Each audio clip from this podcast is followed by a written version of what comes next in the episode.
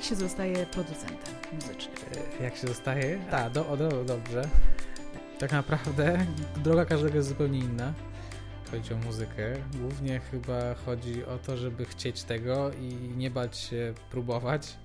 Bo no ja w sumie, ale w sumie, to ciekawe, znam większość chyba tak historii ludzi, którzy znam, to są ludzie, którzy są samoukami od samego początku. Mało jest ludzi z wykształceniem muzycznych, którzy zostają producentami muzycznymi, więc może ostatecznie w sumie jak znam tych ludzi, którzy się tym zajmują, to wszyscy jednak są tymi samoukami, mhm. że dzisiaj, kiedyś było pewnie inaczej, no a dzisiaj mamy internet, mamy jakieś książki, mamy cały zasób tych dostępnych informacji, więc wystarczy tylko chcieć i dużo czasu na to poświęcić e, i nie bać się też popełniać błędów, bo to jest chyba nieodzowne w tym wszystkim, że trzeba być bardzo dobrym e, przegrywaczem i umieć przegrywać i tam raz na jakiś co dziesiąty utwór, co dziesiąta próba gdzieś wyjdzie mm. ostatecznie.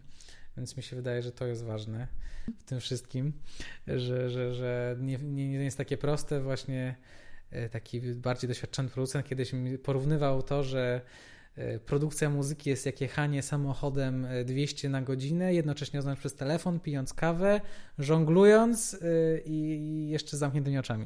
On okay. to tak nazywał i powiedział, że właśnie to jest nie do ogarnięcia na początku, ale najpierw będziesz jechał samochodem te, na 100 na godzinę, potem 150, potem 200, potem zaczniesz nas przez telefon, potem dopiero może z czasem dorzucisz właśnie picie tej kawy, herbaty, a na sam koniec zakryjesz sobie oczy i może jak coś z tego będzie. I w sumie im dłużej to robię, to coś tym jest. Że to rzeczywiście jest dużo takich okay, trudności. to teraz wyhamujemy i Dobrze. przedstawimy. Dzisiaj moim gościem jest Maurycy Żółtański. Yy, dzień dobry. Cześć. Tak, cześć. Dobrze, to pogadajmy o tym, co jest w takim razie y, ważne w życiu. W życiu? Mhm. Y, to jest dobre pytanie. Y, lubię o tym sobie myśleć czasem mhm. i wydaje mi się, że ostatecznie świadomość siebie jest chyba najważniejsza, bo z tego wynika cała reszta że żeby, przynajmniej w moim przypadku, ja byłem właśnie na edukacji domowej, nie wiem, tutaj słuchacze wiedzą czy nie, ale w ostatnie dwa lata liceum rzuciłem szkołę, sam się e, uczyłem do matury, do, do i do całego tej re, reszty mojej edukacji, też tam e, na studia, ale to był taki czas, gdzie ja bardzo go doceniam. -hmm. Mi się mhm. wydaje, że dużo ludzi, przynajmniej w moim wieku, nie, nie miało czegoś takiego, gdzie można było zwolnić rzeczywiście bez tych takich odgórnych, narzuconych planów lekcji, planów działań, rozkładów e, godzinowych. Miałem po prostu mogę sobie wstać rano i sam zaplanować swój dzień bez... Też miałem ten właśnie plus tak, że będąc w liceum jeszcze jest się e, ma się co gdzie spać, co jeść, nie, nie trzeba się martwić o te, o te finanse, po prostu wstaje się rano i można robić co się chce. Generalnie i to był taki czas w moim życiu, gdzie mogłem właśnie poczytać parę ciekawych jakichś książek o, o, o sobie, o, o, życiu, pochodzić na parę spacerów, miałem parę takich właśnie dni, gdzie wstawałem rano, miałem blisko las, szedłem do lasu, tam siadłem na kłodzie i sobie rozmyślałem z, z notatnikiem, co bym chciał, co w ogóle cenię sobie w życiu, jak ja bym chciał, żeby moje życie wyglądało, jakie tam, jak widzę się tam, nie wiem, za 40 lat, co bym chciał osiągnąć, co by mi wystarczało, co bym, czego potrzebuję rzeczywiście y, dla siebie y, i, takie poznanie wewnętrzne siebie, moim zdaniem to jest ultra ważne. Mhm. Ja akurat nie wiem, y, też jestem może w wygodnej pozycji, bo, bo, bo mam wszystko, czego, czego mógłbym chcieć, nie mam żadnych zmartwień w moim życiu, więc może łatwo mi tak mówić, ale generalnie wydaje mi się, że ta taka świadomość swoich potrzeb, swoich też wad, zalet mhm i, i w ogóle um, jakich ma marzeń tak samo, to to wszystko jest chyba najważniejsze do szczęśliwego i takiego życia. Bo też właśnie potem się okazuje, że rzeczy, które dają nam takie chwile przyjemności, szczęścia, ostatecznie w długoterminowej jakiejś perspektywie wcale nie, nie, tego nam nie dają. Mhm. E, i, I fajnie mieć taki długoterminowy obraz siebie i takich jakichś tam wizji na przyszłość. E, no bardzo dojrzałe słowa. Profesor Bartoszewski powiedział kiedyś takie zdanie, e, że nie wszystko, co się opłaca, to warto i nie wszystko, co warto, to się opłaca. To jest takie to trochę sens. przewrotne, ale daje no, do myślenia. Tak, tak, tak, oczywiście. Ale ty miałeś akurat, nie chcę powiedzieć szczęście, ale taką mm, okazję sam sobie ją stworzyłeś, tak. że zrezygnowałeś ze szkoły. Tak. Ile miałeś lat wtedy? Byłeś 16. w liceum jeszcze. Tak I przeszedłeś na edukację domową e, i co ci dało właśnie tę przestrzeń na takie, e, takie tą analizę, refleksję i takie trochę filozoficzne też podejście Tak, do życia, tak. do siebie, No do... głównie czas na to właśnie. no bo właśnie, to- właśnie, właśnie, bo, bo to jest tak, że jak się chodzi do szkoły, to ta szkoła zabiera w zasadzie 3 czwarte dnia. Y, Dokładnie. Tak, jeszcze jak chce się być y, dobrym uczniem piątkowym, to jeszcze więcej. To w zasadzie cały dzień. I Tak, nie ma tak, czasu, tak. żeby się ponudzić, a nuda jest bardzo nam potrzebna. Nie no, oczywiście, oczywiście. Mhm. Ale no, to nu- nuda, bo dzisiaj też w ogóle dzisiaj chyba nikt się nie ma czasu nudzić, bo Mhm. mamy telefony. To jest też jakby problem, że nawet jak mamy ten czas, to i tak dużo ludzi siedzi w jakby zajęć jest aż nadto. Mhm. Ale chodzi po prostu o taki czas dla siebie, y, że tego w szkole na pewno nie ma. Mhm. No bo wstajemy tam rano tej szóstej, czasem trzeba, ja No miałem tak. półtorej godziny do szkoły. No Wstałem o szóstej, żeby dojechać na ósmą. Yy, To już jest dwie godziny. W tym autobusie często odrabiało się lekcje albo czytało lektury, żeby się wyrobić Mhm. do szkoły. Potem w szkole tak od ósmej do szesnastej. Potem yy, półtorej godziny z powrotem, o 18 w domu, praca domowa 19, kolacja 20, jakiś film.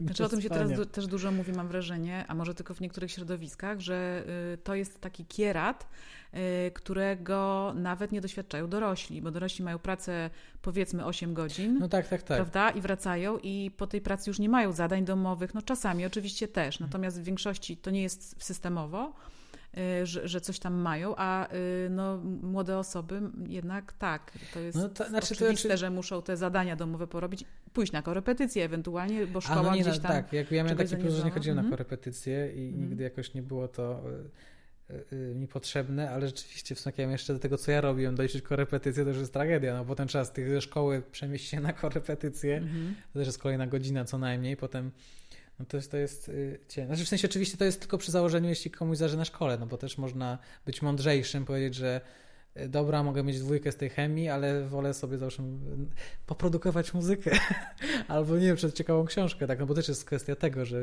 można to przeskoczyć, tylko trzeba mieć mądrych rodziców, którzy na to pozwalają. Y, Bo potem, jak może jak się człowiek- uświadomi sobie, że te oceny o niczym nie świadczą i do niczego nie prowadzą, to można jakby. Tylko to w takim wieku często się tego nie jest w stanie się jakby uświadomić sobie tego. A ty wiedziałeś to? Mhm. Znaczy było trochę inaczej. U mnie było tak, że ja w podstawówce byłem bardzo takim złym uczniem. W podstawówce moja mama się zawsze śmieje, że miałem jeden zeszyt do wszystkiego i, i, i nie uczy w ogóle olewałem każdy przedmiot równomiernie. E, I tak o dziwo miałem jakieś trójki, czwórki, pomimo tego, więc jakoś tam e, się potrafiłem przecisnąć i dopiero w gimnazjum sobie wymyśliłem sam dla siebie, że teraz będę prymusem i będę się dobrze uczył i to rzeczywiście mi się udało. Tam nawet e, gimnazjum skończyłem się tam 5,5 na 6, to jest bardzo dobrze. Tam ten egzamin gimnazjalny miałem 39 na 40 punktów chyba.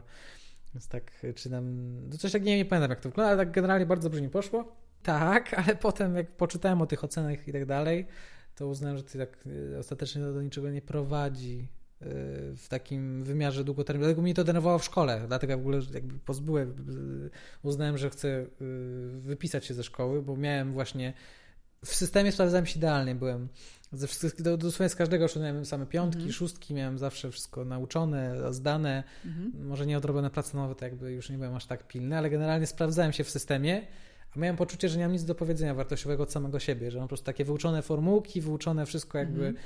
z historii, z chemii, z fizyki, z polskiego, znam odpowiedź na każde szkolne pytanie, ale nie mam swoich przemyśleń na ten temat w żaden sposób. Mhm. Mnie to strasznie denerwowało, więc uznałem, że, że, że chyba nie tędy droga, że skoro sprawdzam się w systemie i nie jestem z siebie zadowolony, to muszę sobie zmienić.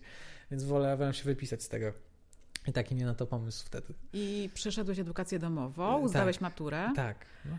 Y, Sam się przygotowałeś do matury. No, y, znaczy ja rozszerzałem fizykę z matematyką, więc to było Okej. takie dość y, wyzwanie, może trochę, żeby samemu się z tego przygotować. I miałem raz w tygodniu się spotkałem z fizykiem i raz z matematykiem, z nauczycielem, żeby Okej. tam jak miałem, bo Mhm. uznałem, że po prostu szybciej i oni mi wyjaśnią jakieś wątpliwości, niż ja miałem Mhm. potem przez parę godzin szukać rozwiązania w internecie. Mhm, mhm. To po prostu wolałem robić, robić zadania i tego, czego nie wiedziałem, sobie zaznaczałem i Okej. potem z nimi to po tygodniu tam wyjaśniałem i czegoś się uczyłem. Mhm. Y, I tak to I wyglądało. co było po maturze? Y, Po maturze pojechałem na studia do Szkocji, A, do Aberdeen, Aha. y, na antropologię z socjologią. mhm. E, Z tym też się wiąże w ogóle ciekawa historia, bo ja e, właśnie chciałem się zajm- zajmować edukacją. E, i Ta edukacja właśnie pasjonowała o tym, jak rzuciłem szkołę, że właśnie zacząłem w ogóle inne możliwości nauki, że to jest bardzo ważne generalnie. w to wierzę, to jest w ogóle historia, na, e, rozmowa na, to wiele za długo niż dzisiaj, ale e, specjalnie mm, w ogóle o tak, przeczytałem e, artykuł w Newsweeku z panem profesorem Dylakiem, to jest pan profesor pedagogiki w Poznaniu na, mhm. na Uniwersytecie Mickiewicza i bardzo ciekawie w ogóle pisał właśnie edukację, zupełnie inaczej niż, niż przeciętny pan profesor pedagogiki właśnie pisał, że że szkoła nie powinna tak wyglądać, że nie powinno być ocen, że, że przedmioty powinny być ze sobą e, współgrać, że właśnie uczymy się fizyki na matematyce, że chemia jest mhm. z biologią połączona i też z fizyką, mhm. że to mhm. wszystko jest jakby powiązane, a w szkole jest tak, w szkole ten podział jest bardzo mocno zaznaczony. Pocięte są te Pocięte. tematy. I właśnie jak przeczytałem mhm. tego artykułu, uznałem, że ciekawie w ogóle myśli o tym wszystkim i, i udało mi się w ogóle zdobyć do niego numer telefonu. Mhm umówiłem się z nim i pojechałem do niego do Poznania, jak miałem z 17 lat sam pociągiem, żeby się go spytać, e, że skoro się interesuje edukacją, to czy powinien iść na pedagogikę. Aha. On powiedział mi, że nie. Że po naszej rozmowie tam gadaliśmy za dwie godziny o tym, co ja mhm. wiem, coś tam właśnie o tej edukacji mówiłem. Powiedział, że ja się tam niczego dobrego nie nauczę, że w ogóle to nie jest tędy droga, no i że szukał czegoś innego. No i on, mi, on powiedział, że on mi nie powie, czego ja powinien studiować oczywiście, ale mm -hmm. powiedział, że pedagogika to w tym, co mnie interesuje, tak mm -hmm. to nie jest tędy droga, więc no dobra, to nie. On mi tam mm -hmm. parę ciekawych książek też polecił, bardzo ciekawa osoba właśnie, przez, zupełnie ultra otwarta, on miał chyba z 70 parę lat, jak z nim rozmawiałem, czyli taka już tam całe życie na tym uniwersytecie, całe życie zajmował edukacją, w mhm. ogóle umysłem, tą neurobiologią, mhm. neurodydaktyką. Mhm. E, miał dużo do powiedzenia, miał otwartą głowę. No i wtedy sobie myślałem, że studiuję socjologię z antropologią, że to jest takie właśnie ludzkie mhm. przedmioty w takich grupach, więc tak jakbym chciał kiedykolwiek zacząć szkołę, to, to to mi jakoś tam pomoże, więc pojechałem właśnie też plan był taki, żeby, żeby spróbować za granicą się odważyć i studiować, mm pojechałem do Szkocji, tam e, się uczyć i było ciekawie, w ogóle zacząłem też fajnie, zacząłem jak, jak te studia tam funkcjonują jak, e, jak oni dbają o tego ucznia pięć razy wszystko. To też może, może uznać, że jest takie niańczenie trochę, ale jednak... Czy znaczy, to y, jest podejście indywidualne chyba, tak?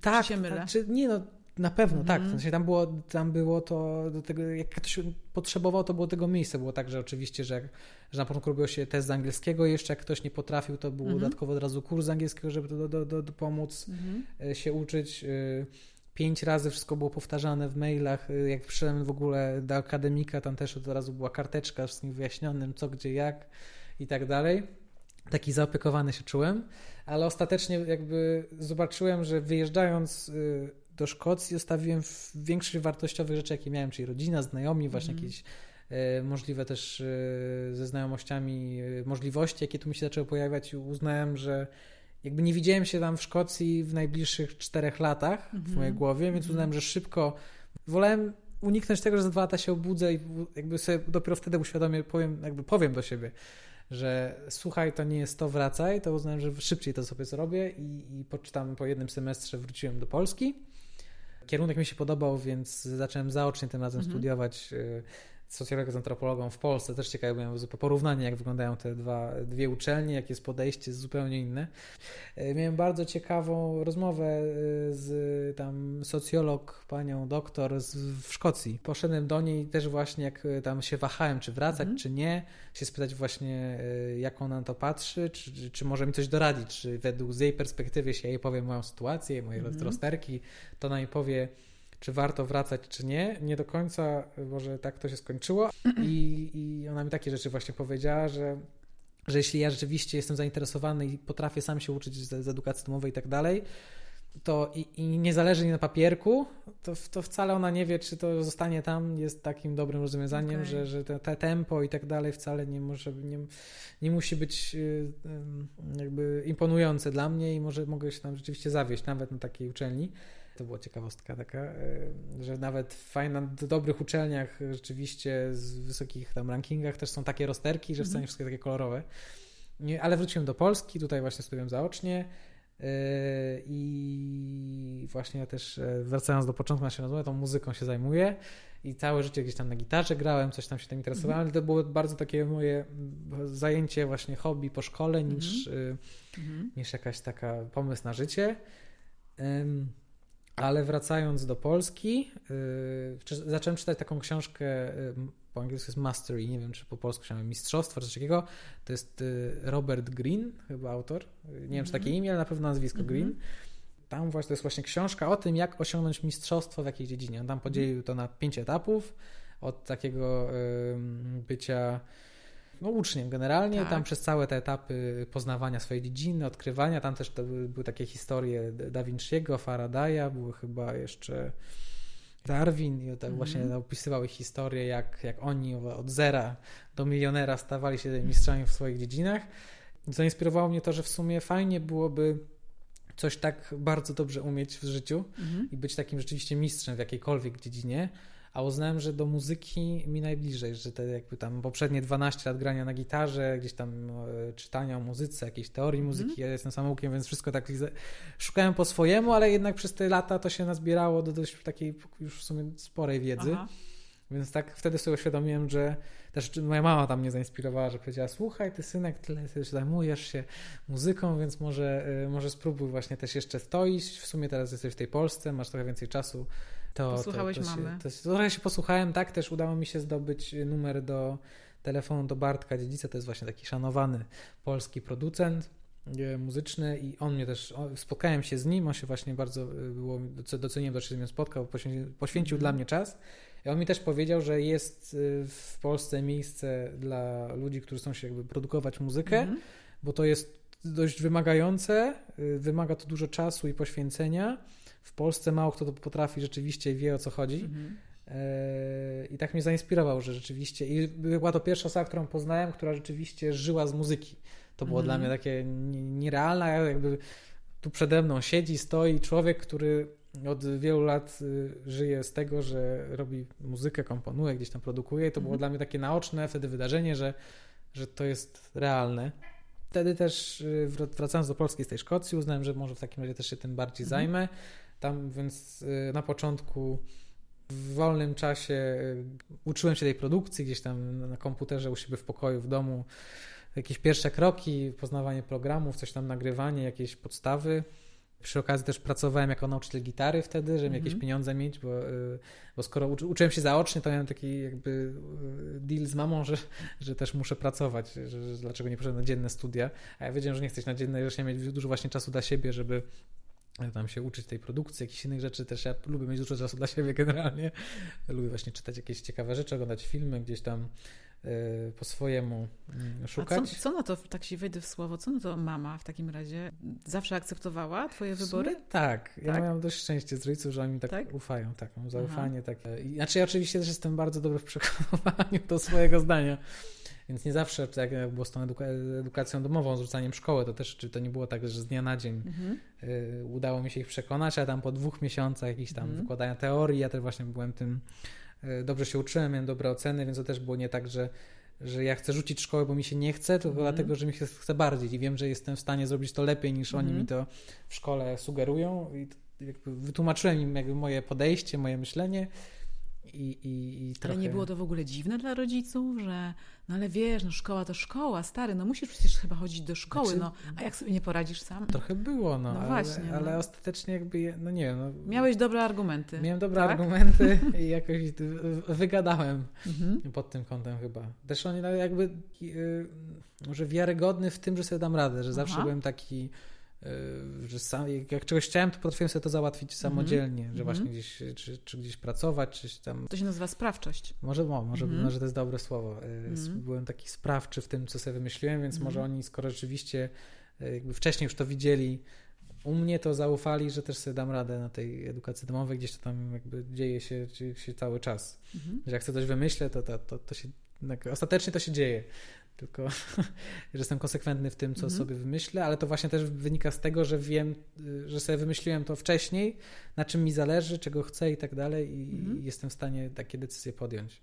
A łatwo jest być konsekwentnym? Nie, nie wiem, e, szczerze. No, znaczy, ale to, nie. bo ty jesteś, znaczy, to dlatego pytam, czy to jest to takie, nie jest tak, że jestem przychodzi ci to z łatwością? To też nie jest tak, A, okay. to jest, to jest, y, załóżmy, nie wiem, taką moją, załóżmy, piętą achillesową jest jakaś dieta i A. załóżmy, żeby się trzymać jakiegoś zdrowego, chociaż bardzo dużo o tym czytałem, bardzo mnie interesuje właśnie, żeby zdrowe żywienie hmm. i tak dalej, i tak dalej. I oczywiście wiem to wszystko, ale i tak lubię czasem zjeść coś gorszego, jakąś Aha. czekoladę, czy czasem jakieś na najgorsze fast foody też pojadę i tak dalej. Zresztą to tutaj nie jestem konsekwentny, chociaż wiem, że powinienem być i na tym trzeba oczywiście są pracować. ale a w innych rzeczach załóżmy, y, nie wiem, do, dobrym nauką dla mnie konsekwencji było też gdzieś chyba tam, jak miałem 19 lat, przeczytałem Mhm. książkę o, o finansach Mhm.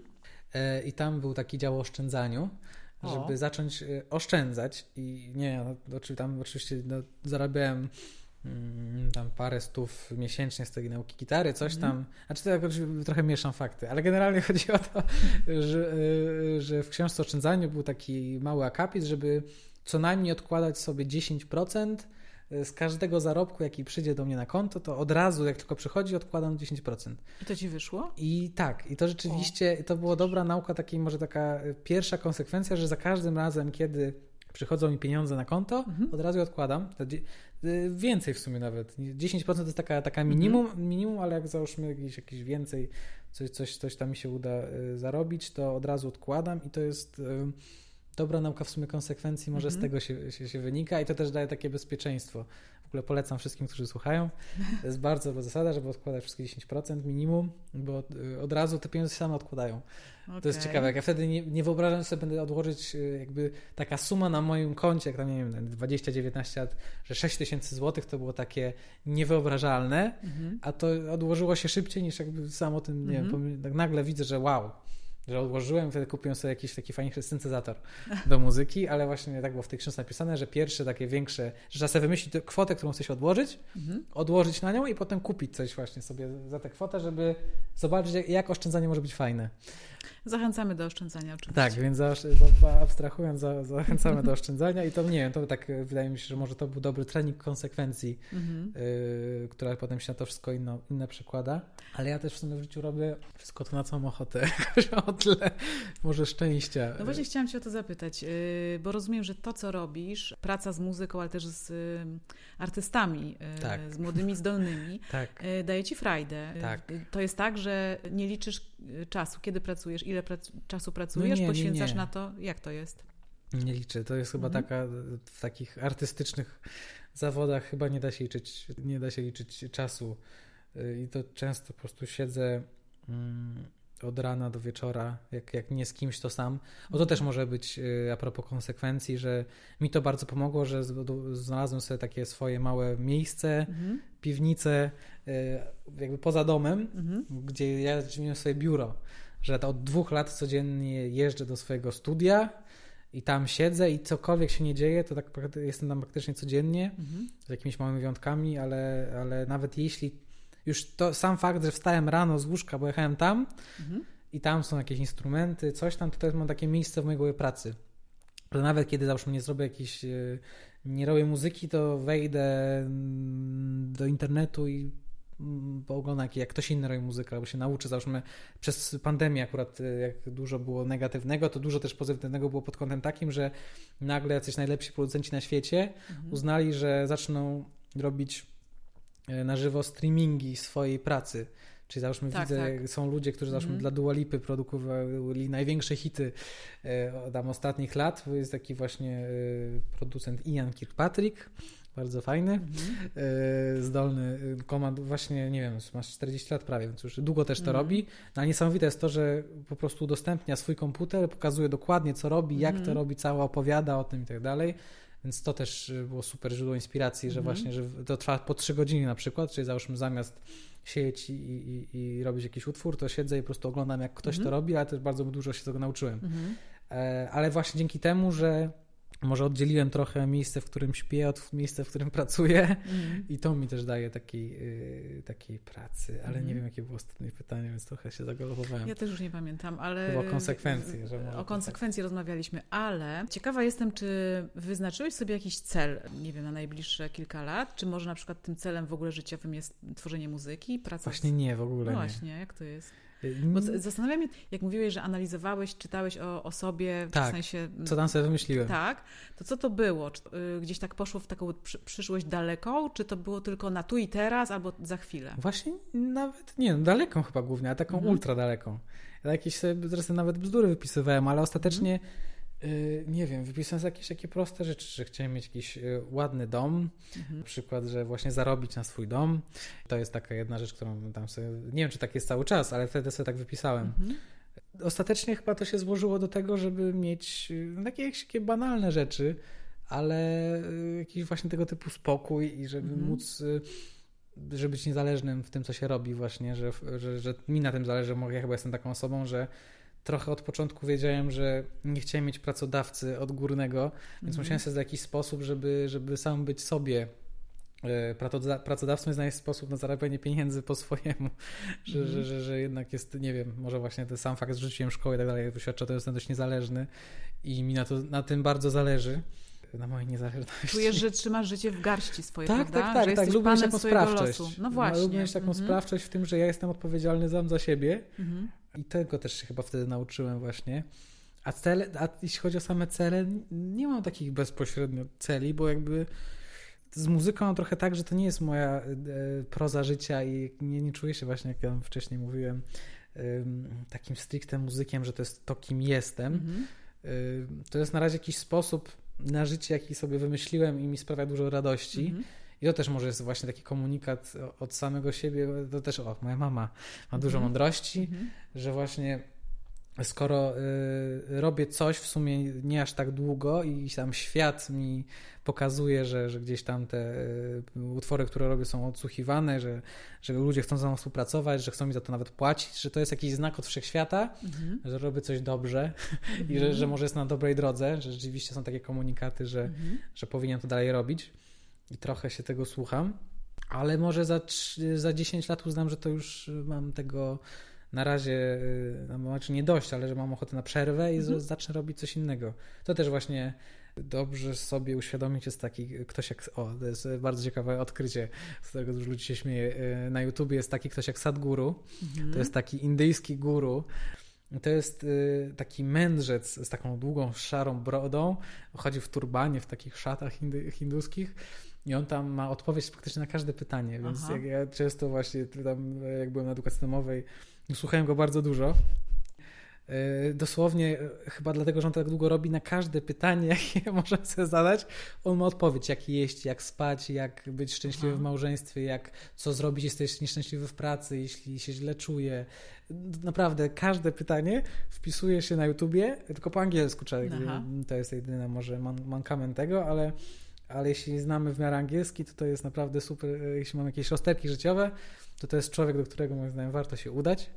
I on kiedyś właśnie powiedział, że nie powinniśmy siebie definiować, że takie załóżmy, trzeba mówić, że o ja jestem optymistą, albo jestem pesymistą, albo ja jestem, albo nie jestem sportowcem, mhm. albo jestem właśnie, że takie definiowanie siebie od razu nam narzuca jakieś ramy, w jakich myślimy i w jakich e, siebie hamujemy bardzo mhm. często, bo właśnie jeśli te takie pozytywne może e, definiowanie siebie jest w jakiś sposób jeszcze ok, mhm. ale też nas zamyka, ale właśnie takie negatywne jest dużo gorsze, bo załóżmy, kiedy ja mówię sobie, nie jestem, nie jestem dobry w mówieniu publicznym na przykład, to od razu z góry nastawiam się, że to mi się nigdy nie uda. Albo kiedyś właśnie, ja zawsze uznawałem siebie, że jestem introwertykiem i myślę cały czas, że taki jestem, ale na przykład y, to właśnie było dla mnie taką zmianą. Kiedyś właśnie na, na jakimś spotkaniu tej edukacji domowej, to jest fajne, że tam się jest z ludźmi w różnym wieku mhm. i było dużo akurat młodszych ludzi. Mhm. I gdzieś tam ja tak naturalnie, przez to, że chyba byłem trochę starszy, gdzieś tam y, trochę kierowałem grupą, jakieś mieliśmy zadanie, coś tam i ktoś mi powiedział, że jestem dobrym liderem. Ja w życiu tego sobie nie pomyślałem. A jestem liderem? Tak, ja właśnie w życiu o czymś takim nie pomyślałem. To było zaskoczenie. Tak, ale mhm. to właśnie była taka redefinicja mnie i ktoś, mi, ktoś mnie zredefiniował w mojej głowie i to mi właśnie otworzyło coś takiego, że, że, że, że właśnie możemy siebie sami opowiedzieć na nowo sobie. Aha. I właśnie, że tak jak teraz y, może jestem tym muzykiem, czy nie jestem panem producentem, to może za 10 lat będę biznesmenem, kucharzem albo pilotem i właśnie... Albo nauczycielem. Albo nauczycielem. Mm. To wszystko się może łączyć, ale właśnie ciekawe jest to, że staram się tak w mojej głowie nie zamykać siebie. Tak za że zawsze byłem w mojej głowie, że nie jestem sportowcem. To też była, to jest była taka właśnie bardzo mm. podobna historia. Jakoś nigdy nie byłem sportowy, nie lubiłem jakoś WF-u i tak dalej, że oczywiście gdzieś tam potem na edukacji domowej coś się o siłowni gdzieś czytałem, mm. się tego mm. uczyłem, jak ćwiczyć sam w domu, ale generalnie nigdy nie uznałem się za taką osobę. A ostatnio, yy, jak się zaczęła pandemia, zacząłem chodzić na wspinaczkę regularnie, tam się wspinam i tak dalej i gdzieś byłem na jakieś spotkaniu umówiony i odzwoniłem dopiero po dwóch godzinach, musiałem, na, na SMS napisałem, że przepraszam, ale właśnie byłem na wspinaczce. I potem następnego dnia ta osoba powiedziała, a, bo to my sportowcy, to się rozumiemy, coś tam, to bardzo, bardzo było śmieszne w tak nie nazwałem siebie, ale potem w, w oczach tej osoby już zostałem sportowcem, bo chodzę na za, spinacz. tak, tak, za tak, osobę, tak. która y, na pewno y, kocha sport.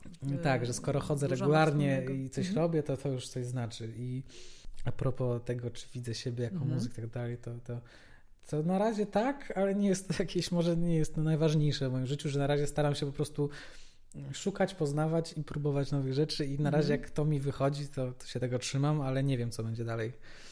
Pracujesz bardzo dużo z młodymi osobami, współpracujesz, prawda? No, głównie Mm, tak. Głównie. tak. Jak ze swojej perspektywy, bo ty też jesteś młody, Tak. y, w ogóle jak ci się pracuje, to po pierwsze, z takimi młodymi Mhm. y, ludźmi i jak ich oceniasz, jeśli miałbyś ich ocenić, opisać bardziej w tym, y, w tym Ale kontekście? że ocenić ich młodość, czy ocenić każdego ich, osobno? Nie, bo mówiłeś tutaj też o tym, że jakby wziąłeś za pewne swoje decyzje Tak, tak, odpowiedzialność. tak, tak, tak. Od, w takim znaczeniu mówię, o takiej dojrzałości. Czy rzeczywiście jest tak, dużo się o tym mówi, że teraz to młodzi to są tacy, nie, nie chcą właśnie za nic wziąć odpowiedzialności, Mhm. rezygnują szybko z y, pewnych ym, decyzji, które podjęli niedawno dosyć. Y, Czy rzeczywiście tak jest? Czy ty z, właśnie z Twojego punktu widzenia tak jest? Znaczy to jest chyba bardzo, bardzo osobiste dla każdej osoby. Akurat ja też trafiam na takich, bo ja też mam taką wolność, że mogę Mhm. trochę sobie dyktować, z kim chcę współpracować, a z kim nie, więc... No to z kim y, lubisz współpracować? Znaczy na pewno no, wolę y, mm, pracować z ludźmi y, utalentowanymi, ale oczywiście jest bardzo szerokie. Nie, głównie y, lubię, y, jeśli chodzi o muzykę, to to jest bardzo jakby potrzebne. Mhm. Chyba, żeby rzeczywiście ci ludzie też byli świadomi siebie w miarę, żeby mieli coś do powiedzenia. Ja jakby tekstów nie piszę, więc też jeśli jak jeśli pracuję z artystą, to ważne jest to, żeby miał coś do powiedzenia od siebie Mhm. i, i, i wiedział, o czym chce pisać. Ale no, no znaczy, to jest chyba głównie to, żeby ktoś wiedział, czego chce, ale to, jest bardzo tak stricte, jeśli chodzi o, o, o sztukę, żeby, żeby ktoś miał jakby wizję siebie w tym wszystkim, Mhm. ale jeśli chodzi o takich ludzi młodych, to, to też jest bardzo różnie, bo akurat ostatnio zauważyłem, że jest taka w moim środowisku chyba jakaś tendencja, że ludzie zaczynają studia, e, po dwóch, trzech latach uznają, a to nie, już są blisko końca, ale uznają, Mhm. to jednak nie to. I robią coś nowego. I po dwóch latach robią znowu coś nowego. I Mhm. tak mi się wydaje, że oczywiście też nie należy do wszystkich, ale zauważyłem, że parę takich ostatnio moich znajomych właśnie coś w ten sposób robiło, że nie wiem, ja to nazywam trochę, że odwleka swoją dorosłość, że boją się trochę wziąć, właśnie mi się Mhm. wydaje, że to może wynika z Mhm. właśnie z tej szkoły, że całe życie jesteśmy odgórnie mówieni, co mamy robić, jak to robić, jest nam dobrze, bo rodzice za nas płacą i nie mamy takiej presji, żeby się wydostać i, te, Mhm. i te studia też, to jest może trochę błąd rodziców, że właśnie, że oni mówią, dopóki studiujesz, to my cię będziemy utrzymywać, a, a dopiero potem znajdziesz pracę, coś tam, coś tam, co też tak może być, że, że, że niektórzy ludzie rzeczywiście odwlekają tą swoją przyszłość coraz dalej, Mhm. bo taka, ja, ja pracuję no, z bardzo specyficzną grupą ludzi, tak, jacyś młodzi artyści, yy, to też, yy, to jest też, że są młodzi, to często też nie znają jeszcze swoich, yy, swoich możliwości, na przykład jak komuś mówię, że jest ultra zdolny, a ta osoba mi w ogóle nie wierzy, bo nie ma też porównania. Ja też mam tyle może właśnie prościej, że jak, przez to, że jakby mam trochę tych ludzi i mam porównanie do różnych tam artystów, ktoś ma jakieś, to jest trochę właśnie śmieszne, że każdy jakby młody ten wokalista, artysta ma swoją supermoc trochę, Mhm. że ktoś ma jest lepszy w jakichś harmoniach, ktoś ma lepsze teksty, ktoś ma załóżmy niski głos ciekawy, ktoś właśnie dziwnie śpiewa, ale to właśnie jest w tym ciekawe wszystkim. I oni trochę tego jeszcze nie, czasami nie są w stanie tak zaakceptować. A czy to nie jest brak wiary w siebie? Znaczy jest oczywiście, ale to, to jest strasznie trudne, no bo trochę chyba wszyscy muzycy, no bo ciężko jest wiedzieć, że to co robimy jest serio dobre, dopóki to się nie sprawdzi. Bardzo potrzebna jest pewność siebie w muzyce. Z drugiej strony ta niepewność też jakby wynika z każdego, kto to robi, bo jakby tworząc, jakby tak y, pokazując się światu jesteśmy od razu otwarci na krytykę, co oczywiście też jest bardzo, bardzo sze- szerokim zjawiskiem. E, ale też wydaje mi się, że, że bez tego strachu nie da się zrobić rzeczywiście dobrej muzyki, że trochę gdzieś tam musi być tak po, pod nami ta, ta niepewność, że to, co robimy, że ten dreszczyk emocji też jakby jest ważny ostatecznie. Czy to rzeczywiście, czy to, co robię, się sprawdzi i lu- lu- ludziom się to spodoba. To jest taka bardzo dziwna. No właśnie, bo co jest papierkiem lakmusowym tego y, sprawdzenia? Co to, co, kto A, sprawdza? kto sprawdza, No, czy- kto sprawdza. to jest dla mnie... Znaczy ja się domyślam oczywiście. y, Znaczy, no. to wszystko, no bo to jest sztuka, tak więc wszystko Mhm. może być y, definiowane jak to sobie chce. No. Najłatwiej powiedzieć, że już dla artysty to, że on to skończył i wypuścił, to to już jest mu wystarczające. Dla mnie, znaczy to od muzyki zależy, tak, no bo jeśli chcemy robić jakąś muzykę mm, alternatywną, czy która jakieś tam nowe nowe szlaki przyciera i tak dalej, to mhm. oczywiście, że nie będziemy jakoś mieli dużo słuchaczy, bo to jest, mm. bo eksperymentujemy, a ludzie nie lubią jakichś takich dziwat zazwyczaj. Ja akurat y, y, mi się podoba to, że widzę, że tam nie wiem, milion osób odsłuchało moje piosenki, czy tam mm -hmm. 4 miliony, czy tam jak to. Ja to trochę fajnie można na to trochę biznesowo patrzeć, że rzeczywiście, że, że to, co stworzyłem, komuś daje wartość, bo skoro jednak tyle ludzi, to oczywiście ciężko tak, yy, tak, tak, tak mówić o wszystkim, no bo to dużo też dobrej sztuki, która nie dociera do jakiejś dużej grupy odbiorców, e, a też jest jak najbardziej dobra i wartościowa ale jednak wi widząc te liczby, że ktoś tego słucha i, i, i, i, w takiej dużej skali, jednak to znaczy, że gdzieś ta, ta wartość jest dodana. I, dla mnie to jest jakąś tam wyznacznikiem tego, że się sprawdziłem rzeczywiście, że, że ludzie słuchają mojej muzyki. To, to oczywiście jest osobiste, tak, no bo z jednej strony, kiedy robi się coś dla największych artystów w Polsce i to ma 20 milionów tam odsłuchań, to to a inne utwory mają 50 na przykład, może znaczy, że się wcale nie sprawdziłem. Z drugiej strony, jeśli właśnie jestem z młodym artystą, który nie ma żadnej piosenki i nagle jego piosenka gdzieś tam wylatuje i ma załóżmy milion albo tam nawet 500 tysięcy znikąd, to już jest mhm. sukces duży, tak? No bo mhm. znaczy, że, że ktoś, kto nie był nigdzie znany, nagle gdzieś znalazł swoich, jakąś grupę pierwszą odbiorców i ktoś tego rzeczywiście słucha. Strasznie ciężko jest to określić. No ale ty tak masz naprawdę. taki talent, ty jesteś, można powiedzieć, odkrywcą gwiazd. Nie wiem, może. Na... To jest... Ja to tak nazw nazwałam ciebie, tak. tak? Y, ale no jest coś w tym? Czy jestem odkrywcą gwiazd. Tutaj musisz swoją y, skromność schować. Znaczy nie, w sensie mam jakiś swój gust, który czasem Aha. się sprawdza, czasem nie. Mhm. To w ogóle moim zdaniem jest najważniejsze w, sztu, w sztuce jest mhm. właśnie a propos tego chyba odwaga i, i gust. Że mhm. nie wszystko inne, czy to wydaje mi się, że to ma też do malowania, do, do rzeźbienia, do całej jakby do twórczej tej czynności. Mhm. Trzeba właśnie mieć odwagę do próbowania nowych rzeczy, zwłaszcza dzisiaj, bo to też jeśli chodzi o samo tworzenie, no to ale mam takie właśnie wizję, że jest, dzisiaj jest tyle tych piosenek, mhm. że dlaczego ktoś, bo z góry zakładam, że na początku jak jest się właśnie młodym artystą, to nikogo nie obchodzi ta muzyka. I taka jest prawda. I to jest ciężko, cię, często taka, taka smutna realizacja, której ci ludzie w życiu o tym nie pomyśleli, ale taka jest prawda, że nikogo to nie obchodzi i trzeba jakoś zaciekawić tych słuchaczy. Tak samo to też jest odnośnie filmów, wszystkiego. Aha. Także rzeczywiście musimy jakoś przyciągnąć na początku ludzi czymś innym właśnie, że ktoś idzie do nas, bo mamy inne, nowe brzmienie, coś, mhm. coś tam jest innego i to właśnie ta odwaga jest potrzebna. Bo jeśli nie mam odwagi, to znowu zagramy piosenkę z ładnie nagraną gitarą, perkusją, zaśpiewaną o miłości, no ale to było ale tyle to takich było. piosenek, to że to... Było. Tak, tak. Mhm. I, ale bez tej odwagi nie jesteśmy w stanie właśnie wykroczyć dalej i to jest ważne. Mhm. A z drugiej strony jest ten gust właśnie, bo można zrobić coś dziwnego, ale to też będzie złe. Mhm. Właśnie praca nad gustem jest ultra ważna, że, że, że ja się tego powoli uczę. Mhm. Nie wiem, też właśnie, to też jest ciekawe właśnie, wyrabianie sobie tego gustu, tak, czyli e, chodźmy, jakieś jedzenie lepszego jedzenia albo właśnie jakieś uczenie się, dlaczego jakaś nowa sztuka jednak jest wartościowa, chociaż jej nie mhm. rozumiemy, mm-hmm. czy właśnie, czy to jakieś, e, jakaś nowa, ja już bardzo długo jestem i ciągle jestem bardzo oporny, jeśli chodzi o jakąś sztukę nowoczesną w muzeach i tak dalej. Mm-hmm. Ostatnio miałem taki, taki przykład, że właśnie robiłem piosenkę i ktoś mi powiedział, że że słuchaj, że to nie jest to, nie podoba mi się, tylko to była jakaś tam, tam menadżer, nie sam artysta, tylko mm -hmm. właśnie osoba z nią powiązana. Ja słyszałem, że to jednak jest to i mi się to podobało. Yy, I postawiłem na, na swoim, nie, olałem trochę tę osobę, oczywiście nam mówiła, mówiła nam, że to jej się nie podoba, mm -hmm. że... Ale ostatecznie wyszło na moje. Mm -hmm. I mhm. ostatecznie ta, ta piosenka jakby była bardzo dobrze przyjęta i ludzie tego słuchali. Aha. w dość dużej ilości. Nie chcę mówić dokładnie co, żeby nie było, okay. E, nie mówić źle o, o, jakichś osobach, ale, ale no, więc jakby w tym wypadku miałem odwagę, żeby uwierzyć w swój gust. że mhm. właśnie, że to, to że, że, że, skoro mi się to podoba, to wierzę w to, że też innym osobom się będzie to podobać. Mhm.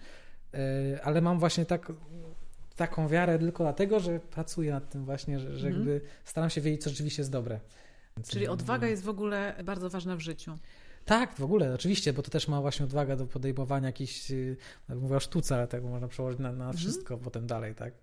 Że rzeczywiście, no, że, że, że odwaga, że podejmować jakieś ważniejsze decyzje mm. odnośnie pracy, właśnie jakiejś, czy to edukacji domowej, potem w moim zmian, przypadku zmian, zmian na oczywiście, przykład, oczywiście, jakieś przeprowadzki, czy nie jesteśmy zadowoleni czegokolwiek, ale boimy się właśnie tej zmiany. A znam, większość ludzi się kieruje strachem w sumie dzisiaj, też z moich znajomych. Mhm. Że zawsze dużo ludzi wiem, w, młodych jest na studiach na takim kierunku, dlatego że rodzice im kazali i Mhm. bałem się im tego powiedzieć. Mm. No tak, więc odwaga jest bardzo ważna. Okej, fajnie. Fajnie się z Tobą rozmawiało. Dziękuję Ci bardzo. E, Ja też dziękuję za zaproszenie.